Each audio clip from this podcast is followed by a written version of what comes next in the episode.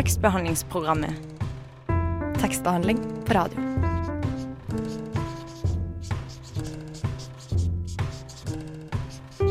Tekstbehandlingsprogrammet.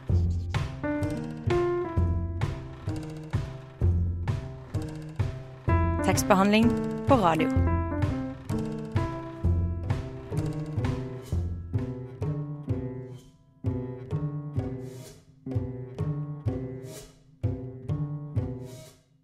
Hei og velkommen til tekstbehandlingsprogrammet. Mitt navn er Idun, og jeg har i dag med meg deg, Anna. Hvordan Hei, hei.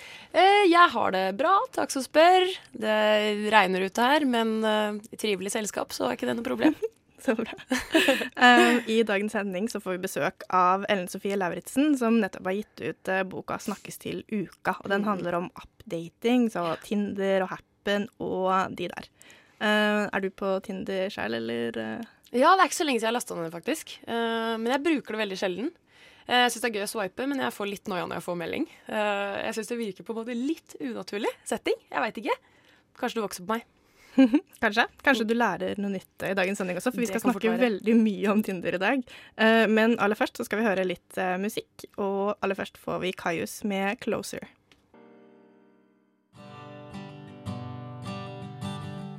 Du hører på tekstbehandlingsprogrammet. Radio Novas beste og eneste litteraturmagasin. Vi hørte Kaius med 'Closer', og nå har vi fått besøk i studio av Ellen Sofie Lauritzen, forfatter av boka 'Snakkes til uka'. Velkommen. Tusen takk. Kan du fortelle litt om boka? Ja, det kan jeg. Hva vil du vite? Litt sånn generelt, eh, til de der ute som ikke vet hva den handler om. Nei, den handler jo om eh, dateapper. Eh, Tinder og Happen. Eh, men det er ikke en guide til slik lykkes du på Tinder i det hele tatt. Eh, det er vel egentlig min historie eh, fra min tid på disse appene. Eh, Ispedd anekdoter fra andre mennesker jeg har snakket med, og noen forskere og psykologer, og prøver liksom å finne svar på hva, hva det her gjør med oss, vi som bruker dem. Så en ganske personlig beretning er det også, om mine to år på Tinder. Ja. Um, og hva var det som i utgangspunktet inspirerte deg til å skrive bok om Tinder? Eh, det skjedde eh, at jeg ble ghosta, som det heter. Det vil si en fyr eh, bare fada ut. En fyr jeg hadde møtt på en av disse appene, Happen.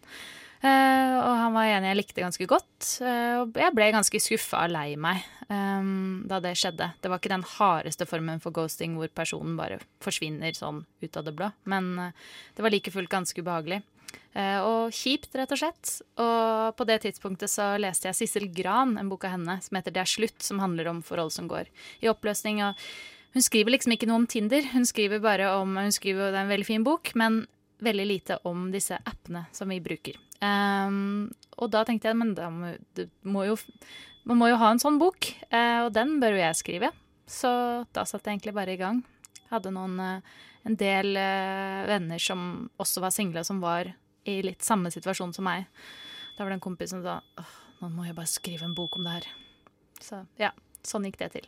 Mm, for det er jo sånn at alle, så å si, som er single, er jo på Tinder om dagen. Så på en måte så er det litt mangel på det området når det kommer til litteratur, egentlig.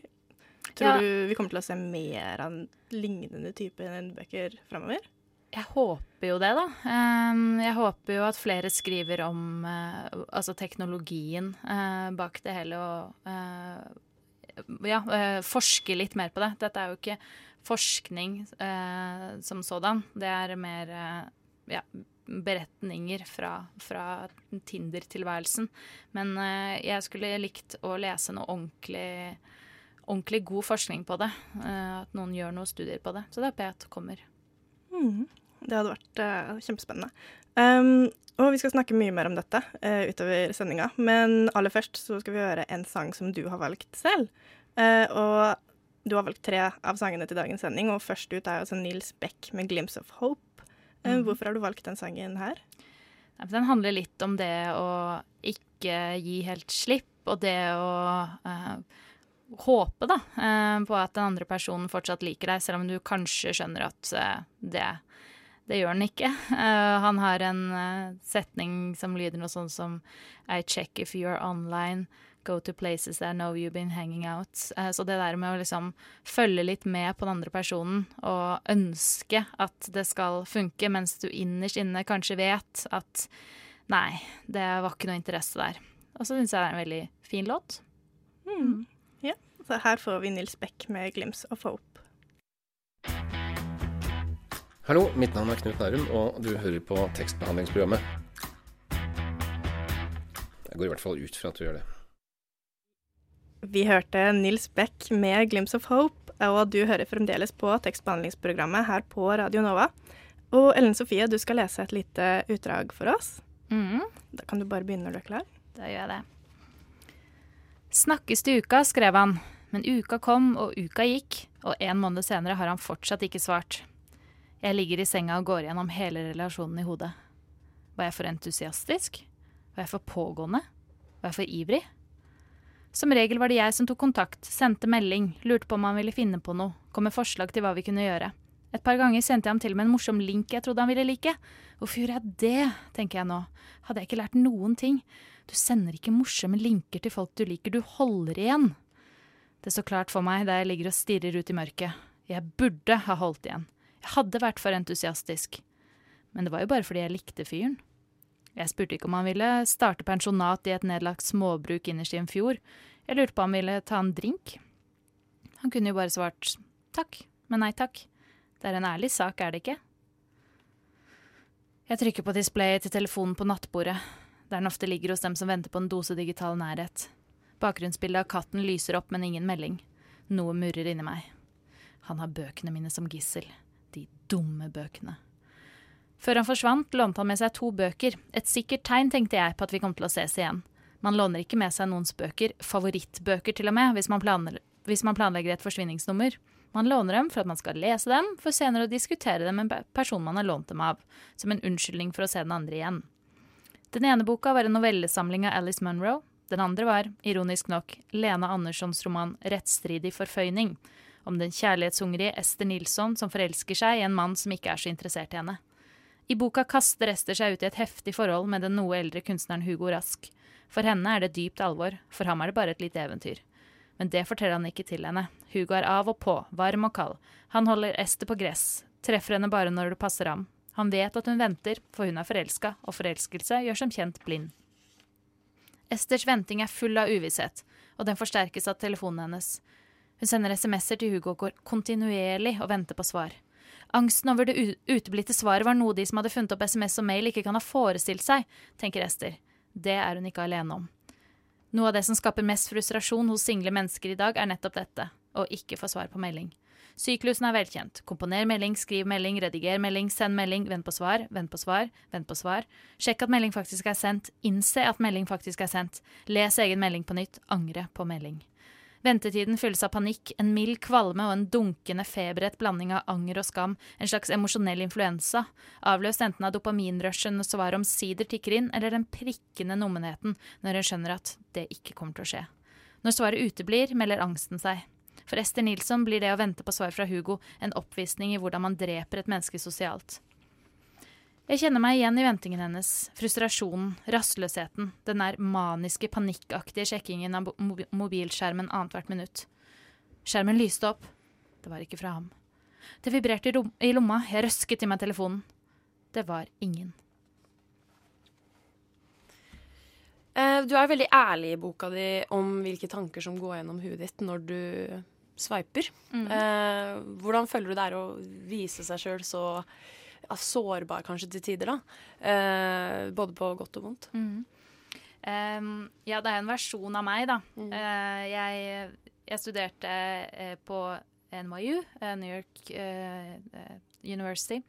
og der hadde vi en lærer som Vi hadde et emne som het noe sånn The Art of the Argument, eller et eller annet sånt, hvor man skulle skrive polemisk. Og læreren vår, hun sa eller professoren, hun sa noe som jeg husker veldig godt. Det var sånn You have to create a persona on, a, on the page. Altså du må skape deg liksom en, din egen personlighet når du skriver. Eh, og den kan du godt skru til noen hakk. Sånn at det er jo meg, eh, men det er på en måte en, en versjon av meg som er skrudd litt til. Så jeg er jo hakket mer nevrotisk, eh, hakket kjipere vil jeg si, og, og ganske mm, ja, skrudd til, og det gjorde det litt lettere å, å være, vise seg såpass sårbar, da. Og bare liksom gå all in, hvis du skjønner. Ja. Mm.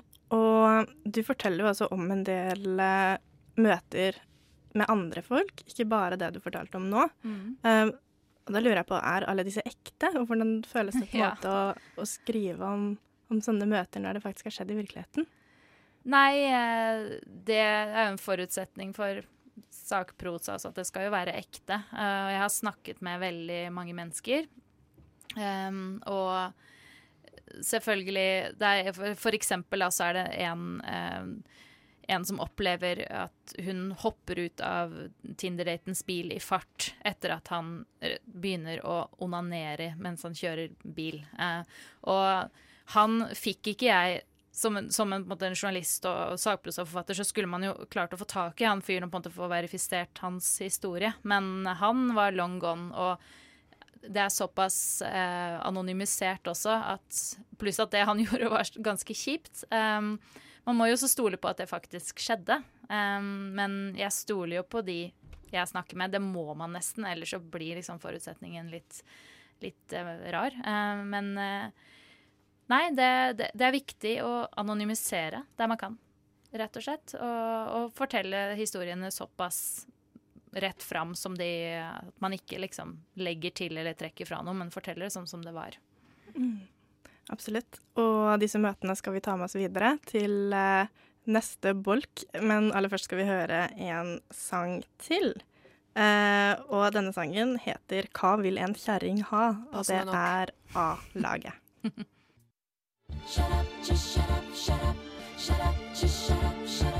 Hysj! Nå hører vi på tekstbehandlingsprogrammet.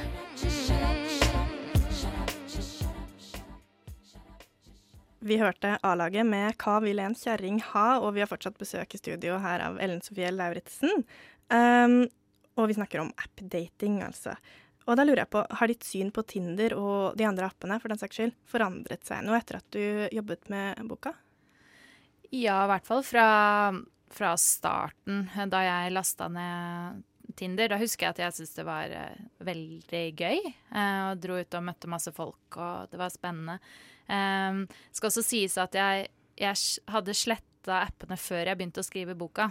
Så det ikke noen sånn, Jeg drev ikke feltarbeid og sånn mens jeg skrev. Um, men jeg har nok, eh, etter å ha snakka med en del folk, så har jeg vel kanskje blitt litt mer negativ. eh, Først, lenge trodde jeg det på en måte bare var meg som opplevde disse kjipe tingene, og folk som bare forsvant, og, eh, og at liksom bare ting bare ebbet ut eh, og ble til ingenting, eh, og ble, man ble skuffa igjen og igjen. Men etter å ha snakka med en god del folk, så har jeg jo innsett at det det er mange som har det sånn. Det er mange som føler på lignende greier også. Dette med at man, man har en sånn mild avhengighet. Eh, at man ikke klarer å legge vekk appen. At man kanskje sitter på en date, og så tenker man på neste date. Eller man sveiper mens daten er på do, liksom. Og, og liksom ikke klarer å legge det vekk. Eh, for det var jo noe jeg selv merket eh, etter en god stund. At, at jeg ble ble, det, det tar mye tid da, å være på de appene hvis man først bare eh, Det er en tidstyv. Og ganske mange av de jeg snakket med, opplevde det på samme måten. At ingenting gikk så fort som å være på Tinder. Så jeg har nok blitt hakket mer negativ. Eh, men jeg følte vel at jeg var Jeg var vel også litt negativ fra starten av. Og det er jo absolutt masse som er positivt med de appene. Men jeg tenker at bruken At det er der vi kanskje må må tenke oss litt om da, hvordan vi, hvordan vi bruker appene. Ikke appene i seg selv. Tror du disse appene forandrer på hvordan vi ser på hverandre som mennesker?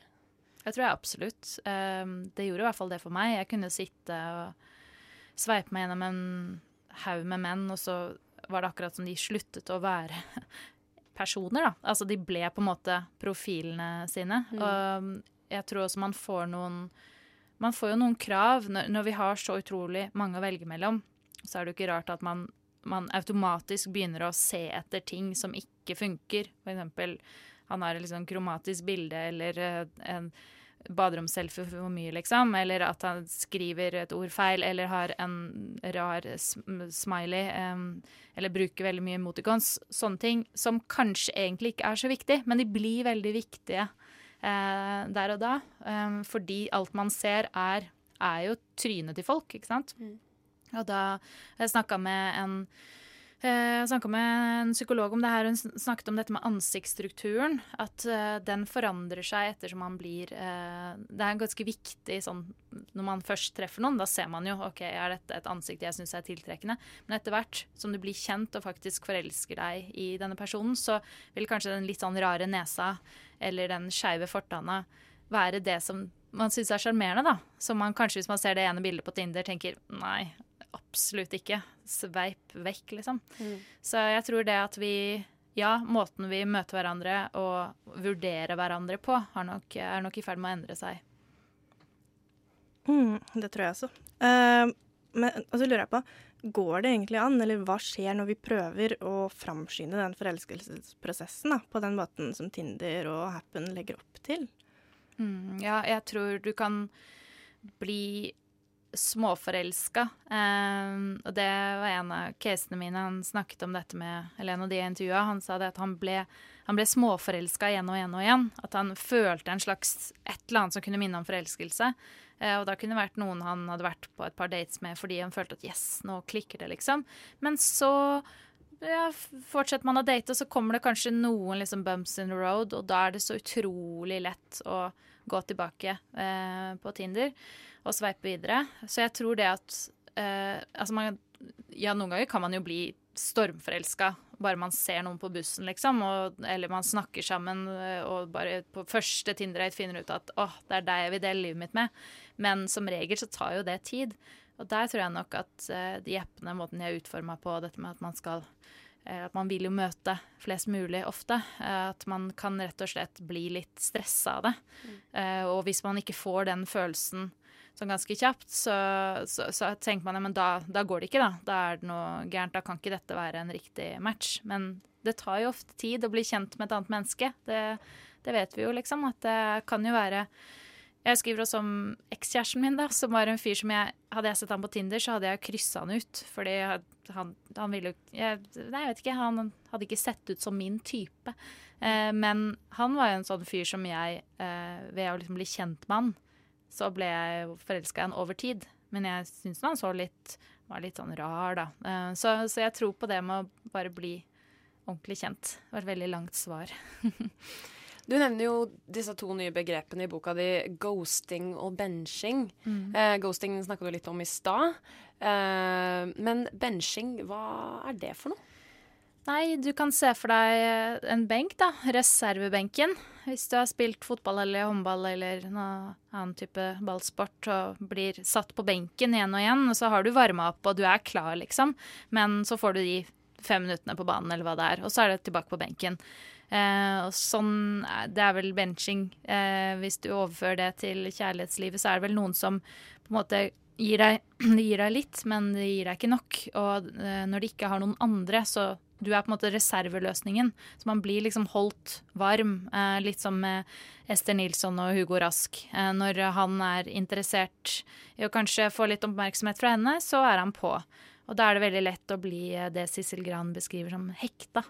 At man får et hekt fordi man får Man blir aldri avvist sånn ordentlig. Man får bare den Ja, snakkes kanskje, og så får du kanskje en melding en gang i uka eller noe sånt, og da da stiger håpet, da. Og så får du liksom ikke slappe av. Du får ikke den Du får ikke gått videre. Uh, så det er vel uh, benching. Det er bare å bli sittende der og vente. Mm, være en sånn plan B-type sak. Ja. Hmm.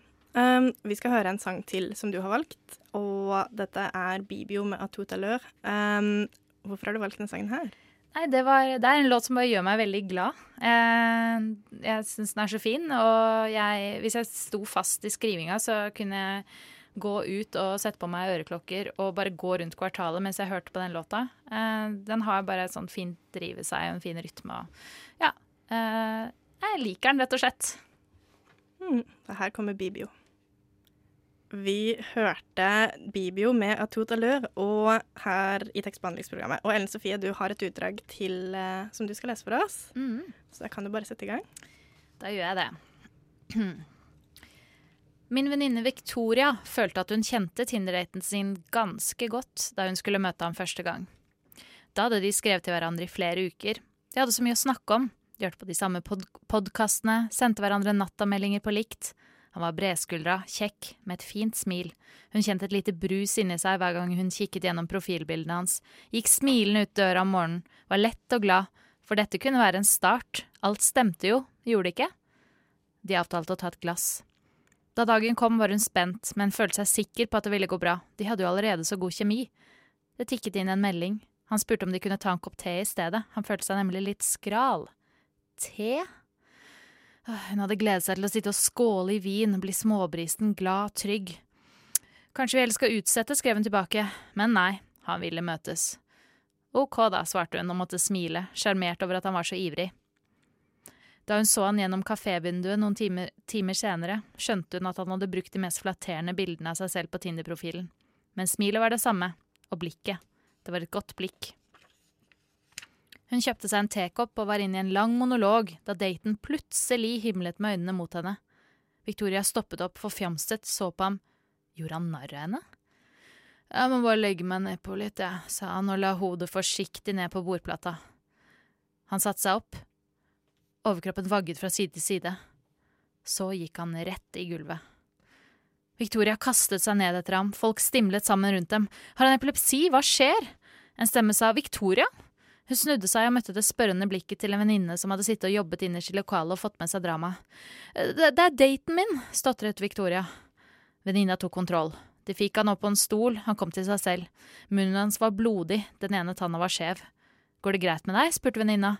Ikke noe problem, svarte han. Ja, men du blør fra munnen. Nei, ikke noe problem. Men det ser ut som om tanna di er løs. Ja, det går bra, det går bra.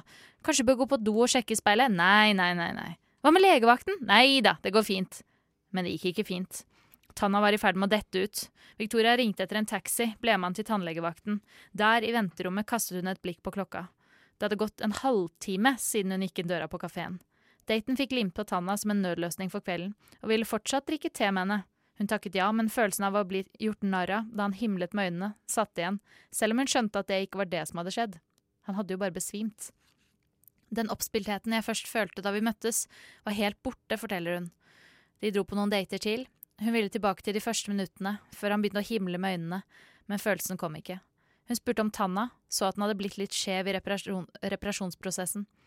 Men i stedet for å le av det som skjedde og bygge videre på dramaet som en delt opplevelse, så han beklemt ut, som om han helst ville glemme det. Hun så bare tanna. Da han spurte om de skulle gå på kino som fjerde date, svarte hun avvisende. Har du støtt på noen utfordringer i arbeidet med boka di? Oi.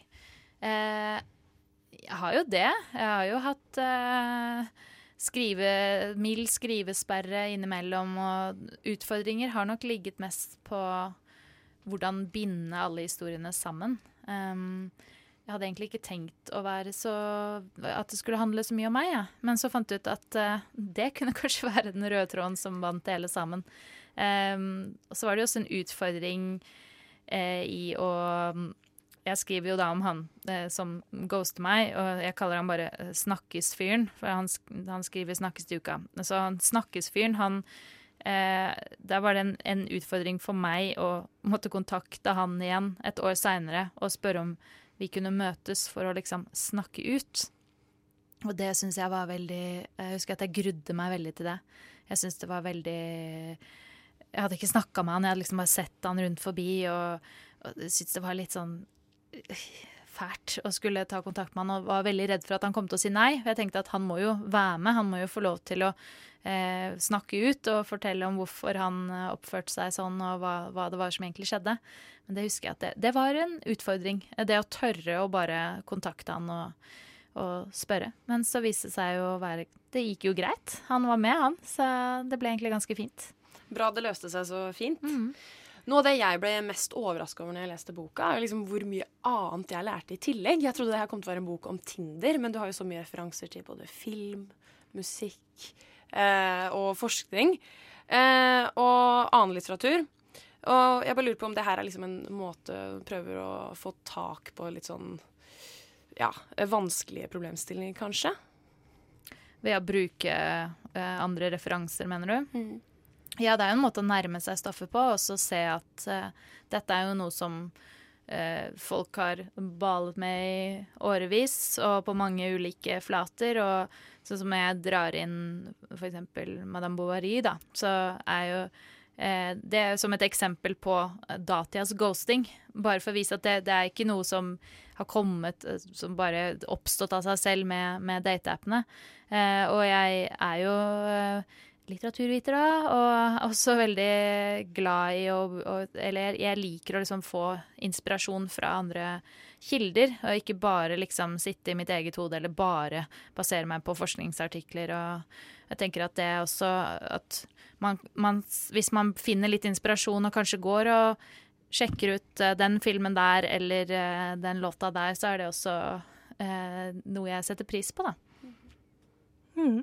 Vi skal høre litt uh, mer musikk. Uh, her kommer Gulp med 'Morning Velvet Sky'.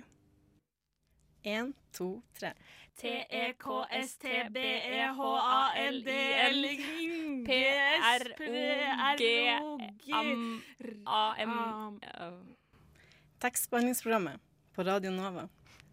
Vi hørte 'Morning Velvet Sky' av Gulp, og vi har fremdeles besøk i studio av Ellen Sofie Lauritzen. Og Ellen Sofie, hvilke erfaringer og tanker er det du sitter igjen med nå etter å ha gitt ut eh, og jobbet med denne boka her? Eh, jeg tenker at ehm, Det er et stort spørsmål. Det, ehm, men noe av det viktigste som vi ehm, som brukere av disse appene, men også generelt i kjærligheten, så tror jeg det er viktig å eh, prøve å ta seg tid, men også tørre å vise følelser. Eh, for det er en ting som jeg vel også opplever um, at Tinder um, gjør, noe, gjør noe med oss der. Da. Det at vi skal liksom være litt hardhuda. Vi skal på en måte Blir vi avvist eller ghosta eller det skjer noe litt kjipt, så skal vi på en måte riste det av oss og gå videre. Og jeg tenker at sånn er ikke vi skapt. Vi er sårbare, og vi, vi mennesker, vi vil ha vi vil kjenne at vi har tilhørighet med noen, og at vi blir sett, og vi er usikre. Uh, og jeg tror at det er det som er litt skummelt i gåsetegn med de appene. At man tar liksom vekk der, eh, den usikre, sårbare biten. At man skal bare måtte, finne seg i det. Og da tenker jeg at nei, det skal man ikke. Uh, hvis man opplever og nå var det veldig mye fokus her på ghosting fra min side, men hvis man opplever noe som er eh, litt leit, da. Eh, at man At det ikke funker med den personen man hadde trua på, og du bare får Du får kanskje en melding 'sorry', liksom. Så må det være Det må være lov å føle at det, det at man, at man har lov til å bli lei seg, eh, og at man har lov til å faktisk kjenne på det og ta seg litt tid. Man må ikke da gå rett inn på Tinder igjen og få den uh, bekreftelsen på at andre syns at du er søt, selv om det kan være veldig fristende. tenker jeg at også eh, hvis man kjenner at man blir litt sånn uglad av å være på de appene, så trenger man jo ikke være på de. Selv om veldig mange er, er der, så fins det også andre måter å treffe folk på. Det er, det er faktisk ikke så lenge siden vi sto ute på byen, liksom, og, og kikket oss rundt i lokalet. Så jeg tror det er litt viktig å huske på de tingene der, da. At man ikke glemmer det. Uh, for det kan bli litt sånn hardt og uh, kynisk på disse appene. Er du tilbake på appene selv nå, eller? I'm taken, så ja. Gratulatos. Ja, takk. Men for oss uh, nysingle jenter, Ja. eh, begge vi to, Mm. uh, er det håp? Absolutt. Ja. OK, for å si det sånn, hadde jeg vært singel nå, så hadde jeg definitivt vært på Tinder eller Happen eller kanskje Bumble og hvem vet, alle appene samtidig. Men jeg hadde kanskje prøvd å, å også gjøre noe annet, da. Og ikke bare være der, og ikke bare ligge i joggebuksa og sveipe, liksom, på sofaen. Eh, men det kan være en veldig fin måte å se hvilke andre som er single på. Altså det, det at man plutselig ser Oi, neimen, er han singel? Jeg trodde han var i et forhold, jeg. Jøss, ja, men da trykker jeg hjertet, og så kanskje blir det en match, og så eh, At man kan, man kan la den liksom gå litt i bakgrunnen, men du må ikke nødvendigvis måtte bruke all din energi på, på de appene og glemme litt å løfte blikket, da. Jeg tror det er viktig. Men ja, det er håp. Det er absolutt håp. Godt å høre. Mm, og et veldig godt eh, tips også. Og den aller siste sangen du har valgt for oss her i dag, det er Fleetwood Mac med 'Go Your Own Way'. Så jeg lurer på om du vil fortelle hvorfor du har valgt den? Ja, det er en veldig kul låt, og det er en litt sånn fuck you-låt som jeg liker godt. Altså Man kan jo tolke den teksten på mange vis, men det handler jo både om at du kan bare gjøre hva du vil, men også litt med at du der som ghosta meg eller var kjip, du kan bare dra til helvete. Eh, og en sånn god sånn power-låt som eh, er også veldig deilig å sette på øreklokkene og bare gå sånn rask gange eh, nedover gata. Man føler seg veldig bra når man hører på den. Så er det en klassiker, da. Den er fin. Enig. Mm. Men da må jeg bare si tusen takk for at du ville komme på besøk eh, til oss i dag. Det var veldig hyggelig. Mm, det var det. Veldig. Og litt lærerikt. Ja, det syns jeg Ja, men det er godt å høre. Og så uh, sier vi ha det med Fleetwood Mac og Go Your Own Way. Nå skal vi høre en ny spalte her i tekstbehandlingsprogrammet. Og det er en fremmedordbokspalte, der vårt redaksjonsmedlem Ingrid har eh, Eller hun prøver å forklare noen eh, vel fremmede ord. Med en twist. Jeg skjønner ikke, jeg. Dette ordet stammer faktisk fra latin. Kan du stave det for meg? Men det er jo helt fremmed. Skjønte jeg faktisk ikke nå. Fremmed. Fremmed. Fremmed. Bruk det i en setning. Skrevet fremmed. Fremmedord. Jeg skjønner ingenting. Men hva betyr det egentlig? Hør her, Ingrid. Jeg slår opp. Hæ? I ordboka! Fremmedordbok? Fundamentalist, eller fundamentalist, som det egentlig uttales, er den mest grunnleggende formen for listing og det første du lærer på Skurkeakademiet. Det er fundamentet for alle former for listing, og dermed også for alle skurkestreker.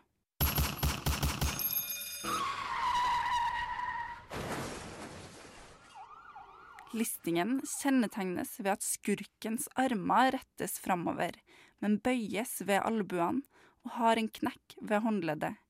Skurken har høye knær og lander forsiktig og lydløst på tåspissene. Flere kjente skurker har opp gjennom årene uttalt seg om listeteknikken. Kasper. Vi lister også stilt på tå Når vi drar oppe. Når Jesper ikke engang har fundamentallistinga inne, er det ikke rart Jonathan truer med å gå ut av samarbeidet. Skar. Fundamentet i all listing er å være lett på labben. Eirik Jensen. Det er urettferdig at jeg blir dømt for å være skurk, selv om jeg går på tærne med høye knær og armene forover. Med den karikaristiske knekken i albuene trenger det ikke å bety noe mer enn at det er godt å strekke ut beina litt.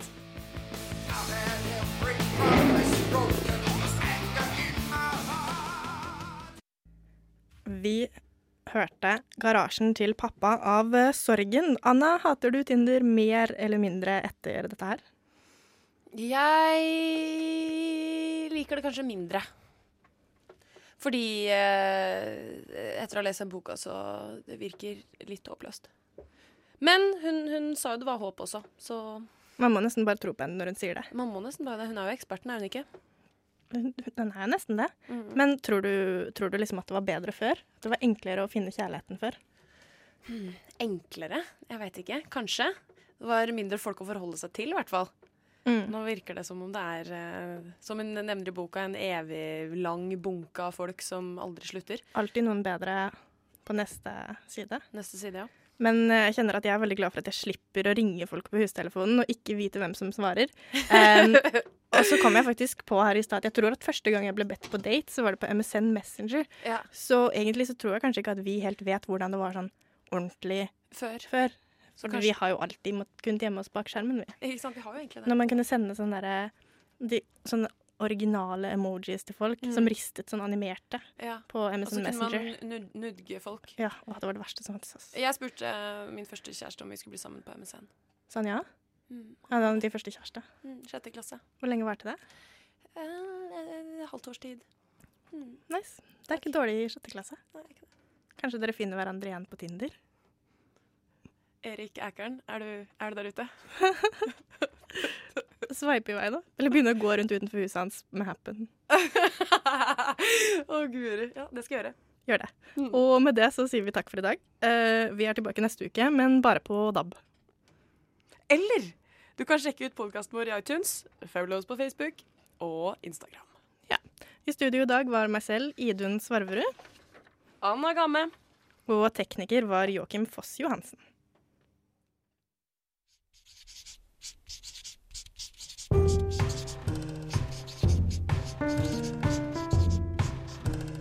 Tekstbehandlingsprogrammet. Tekstbehandling på radio.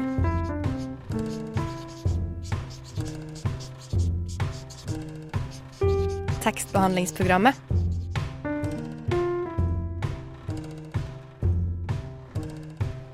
Tekstbehandling på radio.